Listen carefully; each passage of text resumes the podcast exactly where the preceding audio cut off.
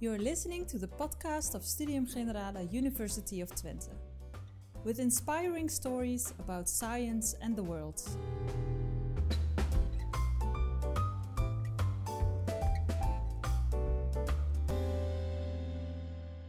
I'm very happy that Professor Hans Hilgenkamp is our speaker of this uh, this afternoon. Uh, he's a full professor of physics at the University of Twente. He was the former dean of the T&W faculty. Now he's back into science again. He recently founded the Brain Center. That's a center for brain-inspired nanotechnology. It's very very interesting. They're looking at our very highly energy efficient brains and try to make use of that for for more uh, efficient computing hardware to uh, to realize that. Um, so I give the floor to uh, Hans Hilgenkamp. Hans, hope your mic works, Yeah, and I want a big uh, big hand uh, for uh, for Hans. Okay. Good afternoon. It's my pleasure to uh, to give this talk, and thank you for uh, being here. Uh, you could have uh, enjoyed the sunshine or learned for your uh, exams, uh, but it's it's it's my pleasure that you're here, and I'll do my best in the next 45 minutes to give you a, a glimpse of the life and work of Einstein, and maybe also with some yeah a, a bit of entertainment, scientific entertainment, I would say, because there's so much nice things you can say about Einstein. You could spend about three days on it. So Einstein, let me just start from the start. He was born in Ulm in Germany on Pi Day, as they call it now, 3.14, uh, Pi-dag, March uh, 14. So he was uh, uh, he is German from origin. I'll come back to that uh, later. Um, he was born in a Jewish family, but not a very uh, strict Jewish family. So they were, were a bit loose from, from the Jewish uh, traditions and religions. But his, uh, his original denomination is, is, uh, is Jewish. Um, after one year, he moved already to, uh, to Munich with the family.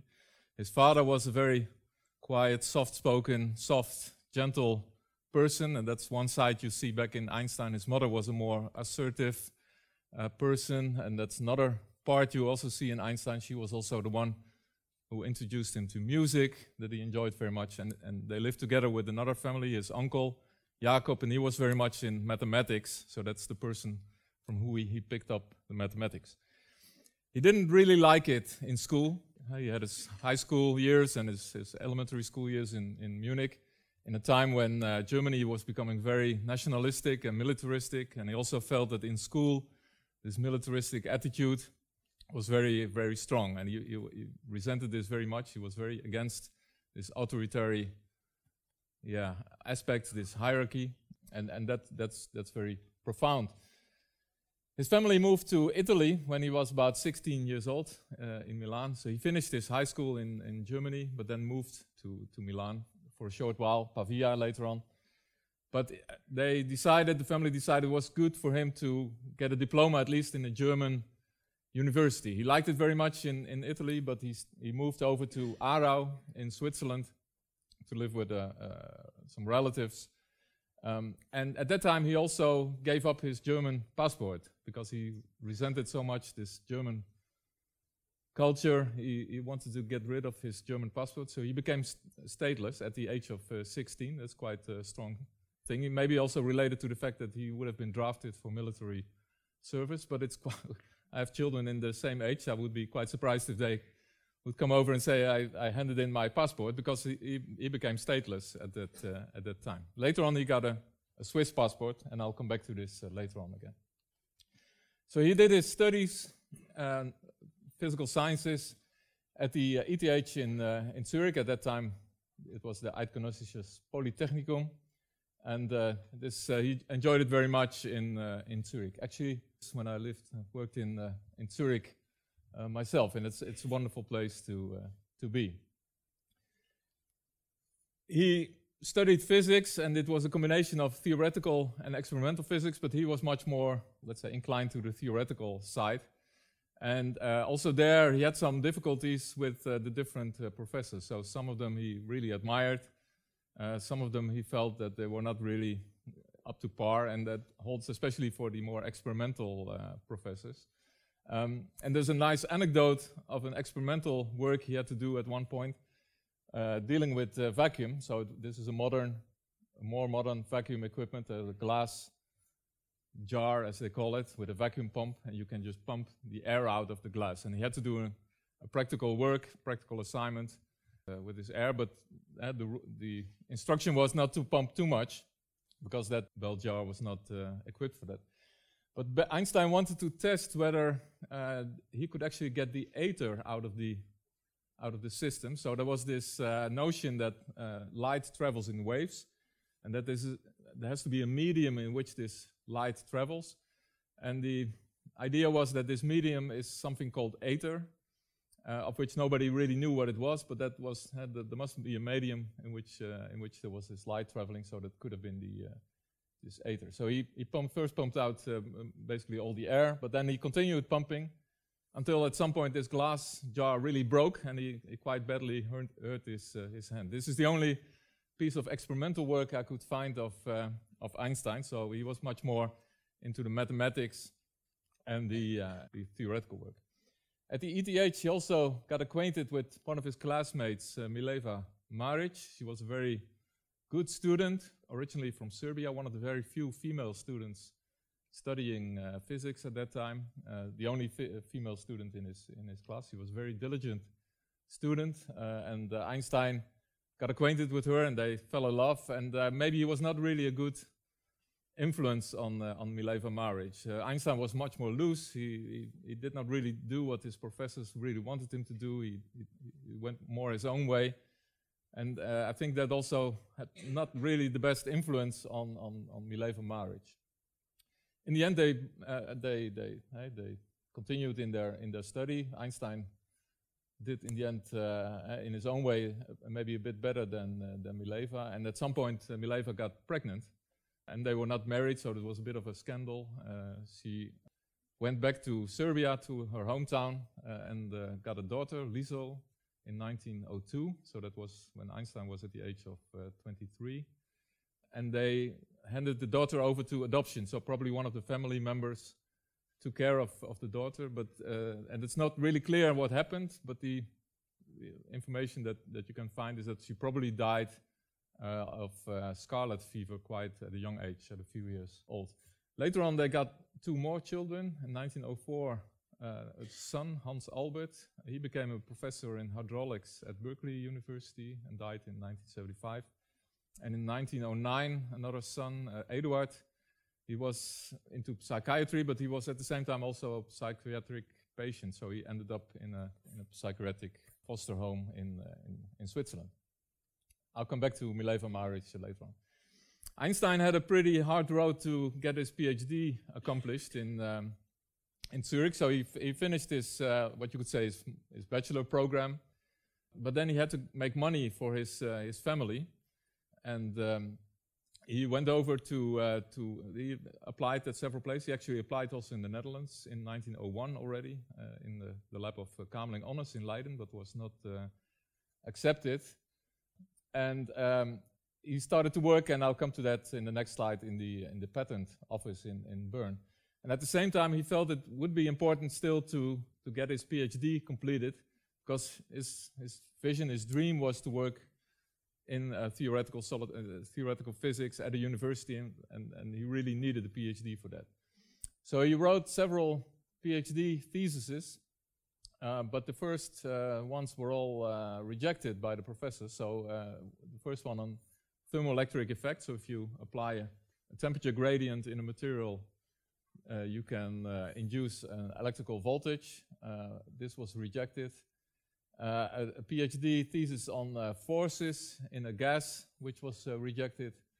And then a, a, third attempt a few years later on moving bodies. So what happens if, if materials, if, if things move, and they call it the electrodynamics of moving bodies. What was also rejected, but which was actually the precursor of his uh, later work on the uh, theory of relativity, uh, to which I'll come to in a, in a few minutes. So then he thought I should write something more, let's say, mainstream, something that is probably quite acceptable, and he wrote a, a fourth PhD thesis about uh, diffusion. Uh, it was actually about diffusion of sugar molecules in a, in a teacup. And uh, based on considerations about diffusion, how molecules can move in a material, he was actually able to derive uh, equations from which you could uh, determine the size of, uh, of molecules. So, uh, depending on the speed with which molecules can diffuse in material, you, ca you can relate that to how, how large molecules actually are. And that was uh, accepted in, in 1905. So then he was, uh, he was a PhD. And this thesis formed the basis for um, his article on Brownian motion. So Brownian motion, you may, uh, may know, have you have somewhat larger particles like these pollen in a liquid, uh, like water. And you look under the microscope, you see these pollen move. And that's because uh, continuously atoms hitting these particles, but statistically sometimes a little bit more to the left and then a little bit more to the right. So these elements, they, they move a little bit. And at that time, they actually, and nobody had ever seen an atom or a molecule under a microscope, so there was still a bit of a debate whether uh, these things really existed. And in a sense, Einstein's work also laid the foundation for, let's say, the acceptance that there are molecules. Eh? So that's quite profound, profound uh, work. As I said, he was uh, he had to make money, so he got a job as a patent attorney in the uh, patent office in uh, Bern, where they had this uh, very modern uh, stay tables. so that was quite good. and he combined his patent work with considerations about new concepts in physics. He had a few friends there with whom he discussed a lot about the physics while uh, Mileva was uh, taking care of the kids and, and, and getting a little bit more and more away from, uh, from physics, although she also had the, all these interests. Uh, Einstein was more the, the person who really enjoyed being the physicist, and, and Mileva was put a little bit into a position in which she had to take care of, uh, of the family. In 1905 was the magic year of Einstein, eh, what we call the annus mirabilis. So he, he published four papers in uh, what was at that time one of the most prominent magazines, Annalen der Physik, about uh, different topics. I have uh, made copies of these papers. They don't look very spectacular. It's just text with a few uh, equations, no figures. Uh, and some of them are really short, eh, but they were revolutionary in physics. So this is the one about the, uh, the Brownian motion, huh, that it is suspendierten Teilchen, so particles suspended in a fluid, and the motion of these particles. So that was basically his PhD thesis, uh, but then in a publication. This was a, a, paper about the photoelectric effect, which I'll come back to uh, in, a, in a minute. It's what happens if you shine light on a material. And these are two papers about the uh, special theory of relativity, and that I will also describe in a, in a few minutes. So the photoelectric effect is actually the the effect for which Einstein later on got the uh, got the Nobel Prize. He did not get it directly for the theory of relativity or something like that, but for uh, for the photoelectric effect. And in this paper, he describes what happens if you shine light on a, on a material, and especially what happens uh, related to the fact that then particles, uh, electrons, come out of the material. So it, this was a known uh, effect uh, discovered or studied experimentally by uh, Philipp Lenard, cathode ray luminescence. So when light shines on a material, there's a ray of particles coming out, electric particles, electrons, um, and some things were known in advance. So what was known already from the previous century was that the energy of light wave was in, in a way connected with the, with the frequency or with the wavelength. Eh? The, the bluer the light, the more energetic uh, the light was. This was already something that, that was known. Another thing that was known was uh, by Max Planck that in a, in a material we're dealing with uh, discrete particles, uh, atoms, uh, things that, that you can count, uh, discrete things, and uh, also exchanges of energy uh, with with material was in a way uh, quantized. This this was going in packages of of energy that that was found out by by Max Planck, but. light was considered to be something continuous. This, this was a wave, as I said before. The medium was not completely clear, but it was a kind of continuous thing, not, not quantized at all. What Einstein discussed was that if you if this is a continuous medium, if you would shine more uh, more intense light. Uh, so if you incre increase the, the, the, the, amplitude a little bit of the light, you would expect these, uh, these electrons to move uh, faster. Uh, just more energy would be transferred to these electrons and they would move faster and faster. But what happened in practice was that if you increase the intensity of the light, the electrons would not be faster, but there would be more electrons. And this was the consideration by Einstein that the, this energy transfer has to go in packages. There is a package of light coming in. Somehow it, it interacts with the material. It ejects an electron. And that's then the process. And if you have more intense light, you have more packages of this uh, energy. So in the end, you have more of these electrons coming out. Rather than that, there is a big splash and very fast electrons come out. And that was the basic notion by Einstein from which he derived that light also had to be not continuous, but going into packages of, uh, of energy, and which were later on called uh, photons. So this is the paper. Uh, as I said, these, they don't look very spectacular. This is maybe the most important paragraph. I will not read it all in view of the time, but it says something like, uh, really, it looks to me that uh, if you look at uh, the black body radiation, that the energy of the light has to be discontinuous in space, so that there, there are packages of energy in, uh, in, in light. So this was the basis for understanding that light not only is a wave, but also is, is composed of, uh, of particles. And in a sense, uh, this also is then the first real, that's a paper describing what we now call in, in, in quantum physics the particle wave duality. Things like, like light, and also later on it was found out that the real particles, sometimes they have a wave character, and sometimes they have the character of a particle, depending a, bit, a little bit on what you are measuring. And, and the paper shows that, that light is not only a wave, but also a particle. And in that sense, he also discovered then the photon. Then there was the other aspect, the relativity. Let me first uh, introduce a little bit classical uh, relativity. So if you are in a train with 50 kilometers per hour and uh, there's another train approaching with uh, also 50 kilometers an hour and you just look out of the window, you will see this train pass by with 100 kilometers per hour. And you, uh, sometimes you don't even know, uh, you, you, all recognize this from the stations, you don't really know where you're, you're moving yourself or the other one is moving.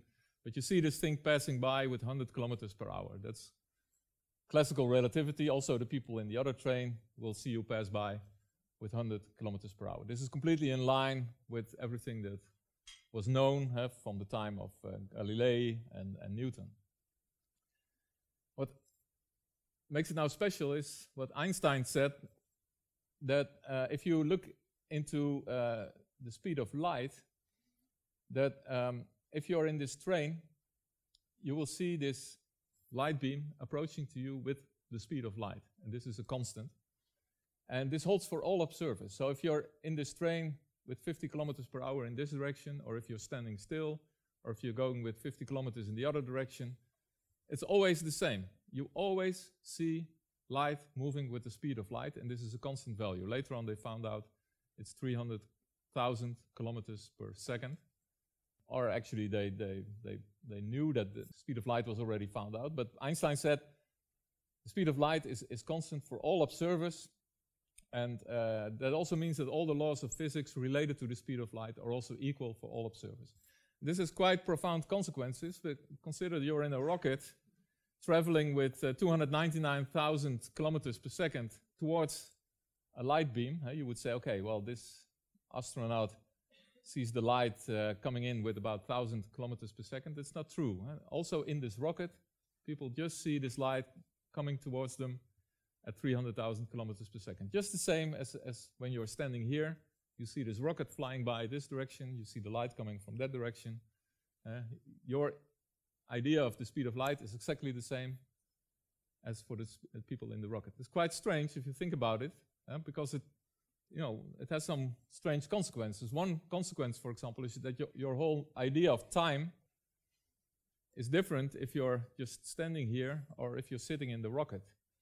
You can do the mathematics, and uh, there is a, an expression for this. So, compared to our time at t, this is just our our natural time here.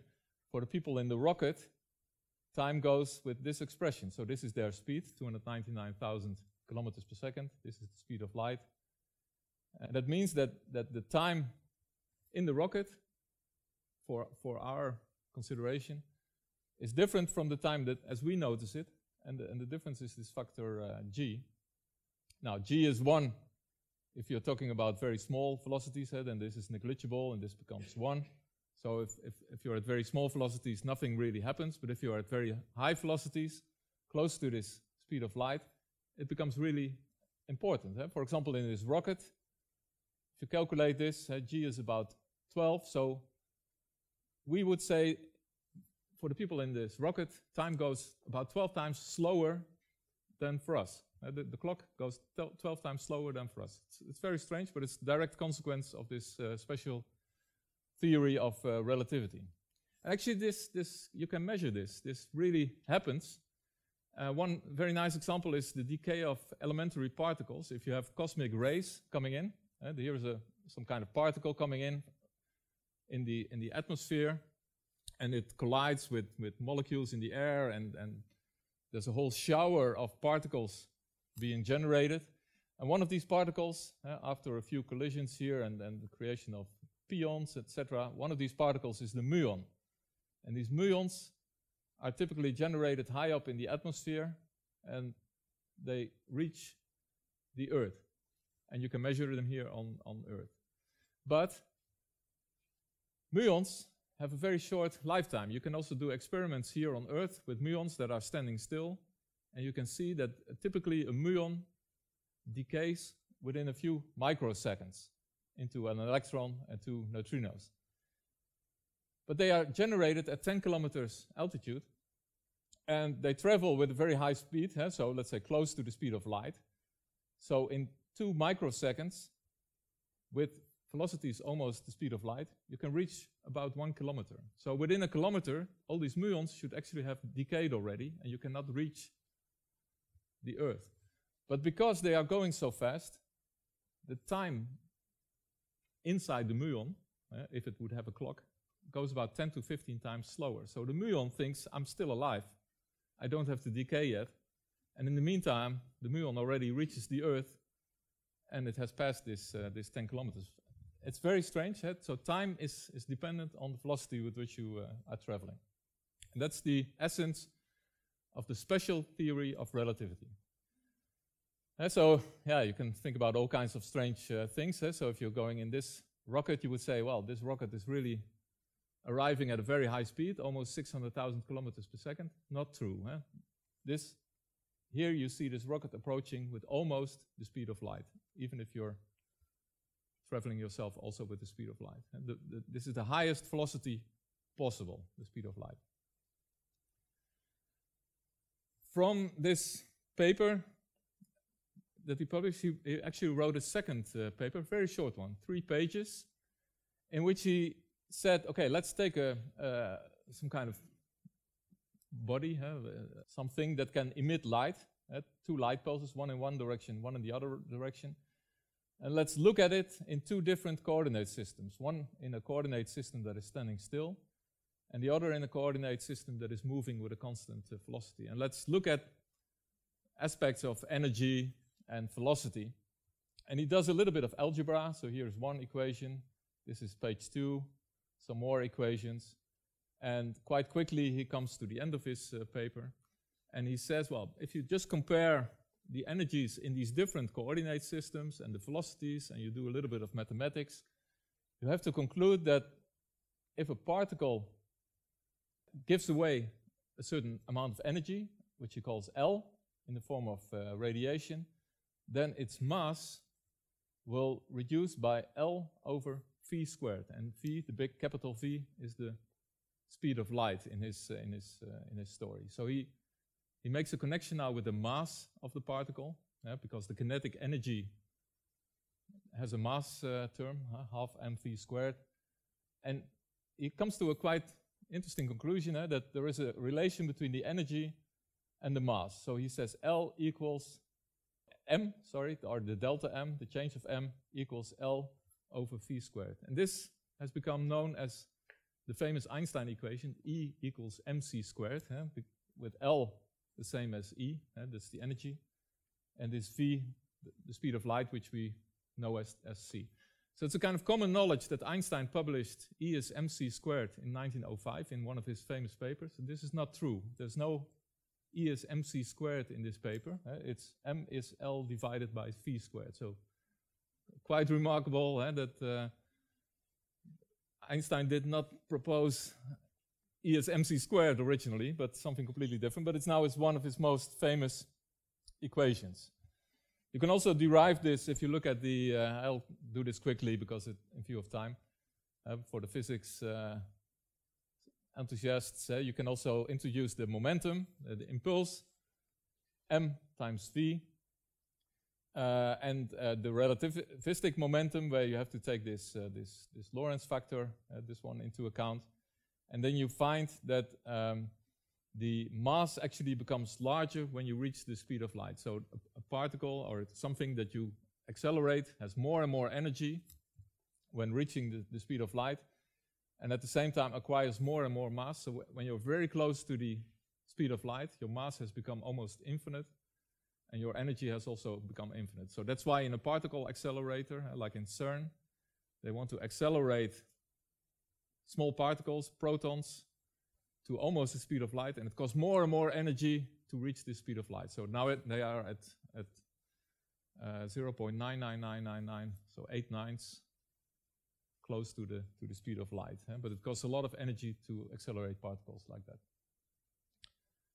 Now, e how about E as mc squared? So later on, uh, in the next years, 1906, 1907, people started to talk about this and they used these other symbols for the speed of light and the energy.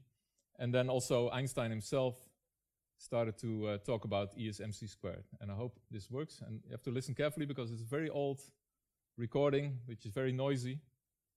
Uh, but it, it, here he says E is mc squared. Yeah. E is equal mc squared, in which energy is put equal to mass multiplied with the square of the velocity of light, showed that very small amount of mass may be converted into a very large amount of energy.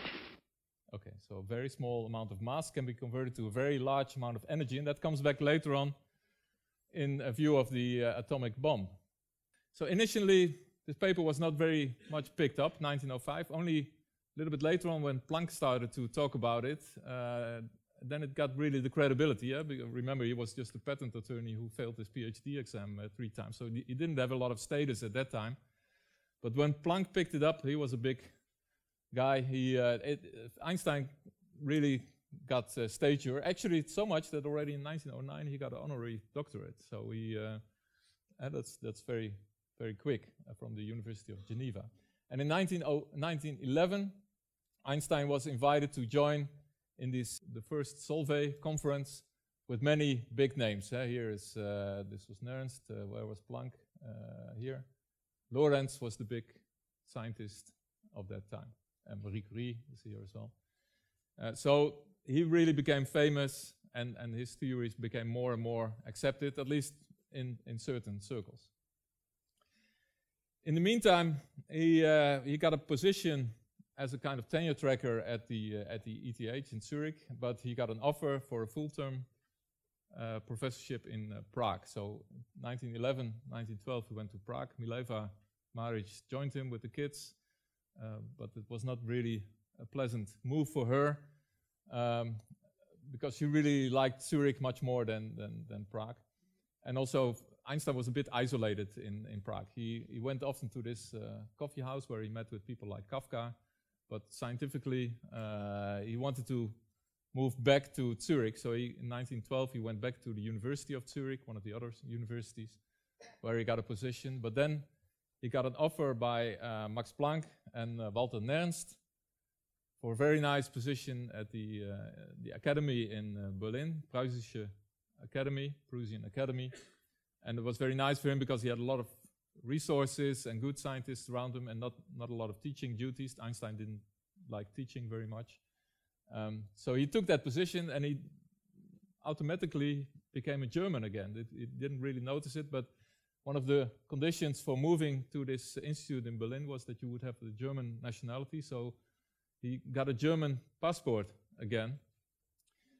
At the time when the First World War started, and uh, there was uh, quite a, you know, a lot of discussion, of course, in Germany also about uh, about the war.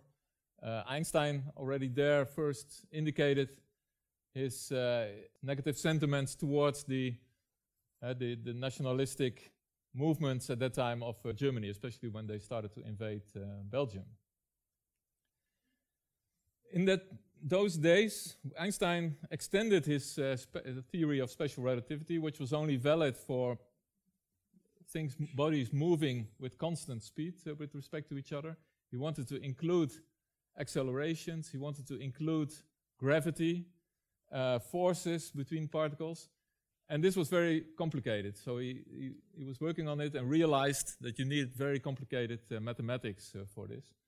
Um, and he got the help of uh, mathematicians like Hilbert and Minkowski, who were able to do all the mathematics. And in 1905, Einstein was able to, uh, to really complete his, uh, his, story, including accelerations and, and, and gravity. And uh, this was written out in 10 coupled differential equations that you can write in a shorter form in this way with tensor equations. I will not go through them. It's, it's, it's rather complex. But the conclusion is that you have to look at, at space and time as a, as a continuum, as a, as a continuous thing. It's all connected with each other.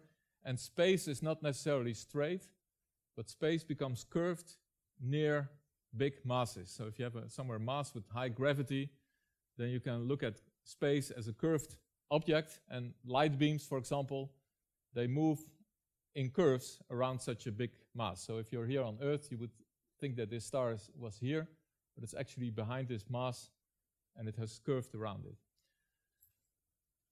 Also, these dimples here in space-time can, can be, become waves. Eh? For example, if you have two masses moving around each other, it emits waves, gravitational waves, and these are the gravitational waves that were detected about two or three years ago for the first uh, time. Uh, so this is a direct consequence of the theory of general relativity, uh, connecting then space and time and mass all with each other.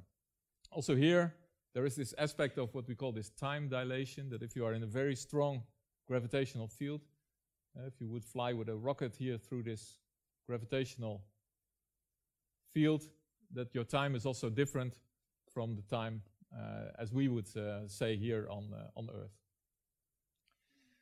In the meantime, he got divorced, divorced from Mileva. Mileva did not want to join to uh, Berlin. She, uh, she stayed in Zurich with the kids, with the boys. Einstein went to Berlin and later on married his niece or his cousin, Elsa Löwenthal. she was very happy to be in the role of kind of managing director of, of Einstein, um, much more than, than, than Mileva did. And they uh, lived uh, happily together until uh, Elsa Löwenthal died uh, halfway in the, in the 30s. At that time, we are now after the war. There was a big anti-sentiment, uh, anti-Jewish sentiment in Germany, and this also related to Einstein. Einstein was originally Jewish, uh, and the, the, the anti-Jewish sentiments were also connected then with this theory. Some people said that this uh, theory of relativity was a Jewish science and that it could not be acceptable. And some of the strong people were Weyland and Gehrcke. And they organized meetings like this. Eh? So, a series of, of lectures of German physical scientists against Einstein's uh, general theory of, uh, of relativity. It was very aggressive. Einstein actually went to this meeting himself. He really enjoyed the discussions, but uh, it became more and more serious, this threat, especially after uh, Rathenau, one of his friends, was uh, killed uh, in the uh, early 20s. Uh, he was a minister in the Weimar Republic. So this, this anti-Jewish sentiments became stronger and stronger, and Einstein had more and more problems and difficulties with this. On the other hand, appreciation in the scientific world slowly also increased. Uh, not so easy, actually. The Nobel Prize Committee was also a bit uh, reluctant in awarding Einstein the, uh, the Nobel Prize. They, they were not really sure whether they could believe this theory of relativity. At the same time, many scientists said, well, it's really about time that Einstein gets the Nobel Prize. In 1921, they had him on the list, uh, but uh, in the end, they, they said, well, maybe not. So, 21, the Nobel Prize was not awarded. And then scientists like Max Planck and others advocated more and more for Einstein. So, then in 1922, actually, the 1921 Nobel Prize was awarded in retrospect. And then the 1922 Nobel Prize was given to Niels Bohr. And so uh, also there you see, ah, it could have been better. Huh? The, uh, and it was not really for all his work or for the most important work, uh, this uh, theory of relativity, but for the discovery of the law of the photoelectric uh, effect. That was the, in the quotation, the thing that was mentioned particularly, and for services to theoretical physics. He became uh, also a visiting professor in Leiden, where he uh, was well acquainted with uh, Paul Ehrenfest. This is the son of Paul Ehrenfest, and he really enjoyed uh, being there. Here he is at the occasion that uh, Queen Wilhelmina got the honorary doctorate in 1925. And there is somewhere information that he once was in Enschede, uh, that he had a friend at the Prinsenstraat, somewhere in the center, but there's not a lot of information you can find about, uh, about that. He was one of the most influential scientists of his time. Eh? Now you see the 27 Solvay conference, he's sitting in the center next to still Lorentz, which was really one of the eminent scientists in, the, in, in this whole period. At the end of the, the 20s, he uh, started to become connected with Caltech, uh, and he did kind of winter breaks at Caltech. He also wanted to escape a little bit from, uh, from Germany. So he went to, uh, to Los Angeles, Pasadena, where Caltech is, and he got well connected with uh, Charlie Chaplin and some other people uh, at that time. Um, and at that time, there was also an ongoing discuss discussion about new developments in quantum physics. There was a so-called Copenhagen school, new people Born, uh, Heisenberg, Schrödinger, developing new concepts in, in, in, quantum physics. And this was something that Einstein really had, had difficulties with. The, the essential thing about quantum physics is uh, probability. Huh? So there is a, a, certain chance probability that an electron is here or here. And only if you measure it, you, you know for sure whether it's here or here. But there is a certain chance, a, a probability function. And Einstein had, had difficulties with this probability aspect.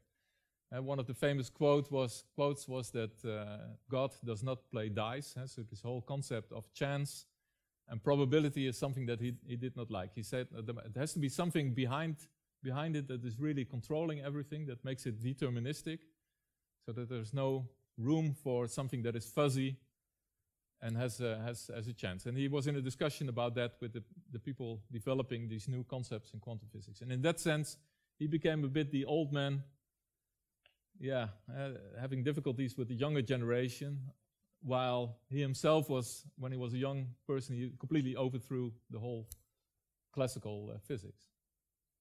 Another famous expression is about entanglement, that you can have two particles at different positions still together in one quantum mechanical state.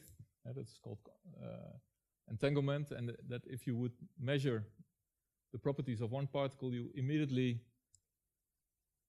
fix actually also the properties of the other particle. That's a bit the essence of, of quantum entanglement, from which quantum teleportation is also derived. And he called it a spooky action at a distance, spukhafte Fernwirkungen. Later on, this was uh, actually uh, measured. Uh, there were the so-called Bell tests uh, were done in optics by Alain Aspect. Uh, quantum entanglement was very nicely demonstrated by Zeilinger. And very recently, a few years ago, the group of Ronald Hanson in Delft made also very, let's say, definite measurements showing that this entanglement really exists. Eh? So they, uh, he is really a strong candidate for the Nobel Prize. Zeilinger as well, and I would not count out that uh, Ronald Hanson could be included uh, in this list, eh? but who knows. There was a, a, a talk about uh, Newton by Fokko Jan Dijksterhuis uh, yesterday, a, few weeks ago, so let, us make a few comparisons between Newton and, and Einstein. There are some similarities.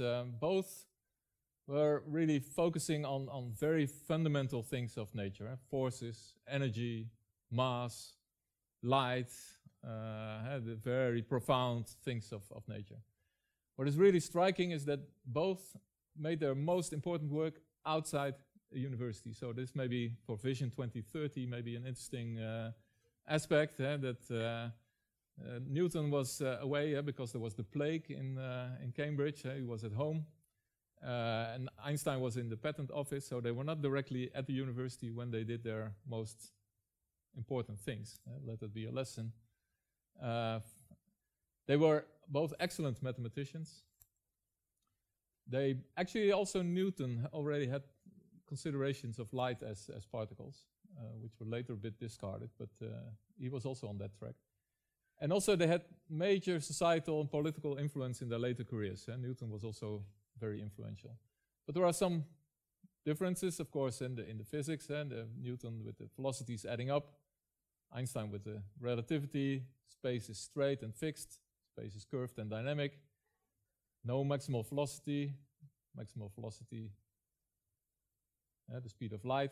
Newton was much more localized. He never left the area around Cambridge and London. Uh, Einstein was very international.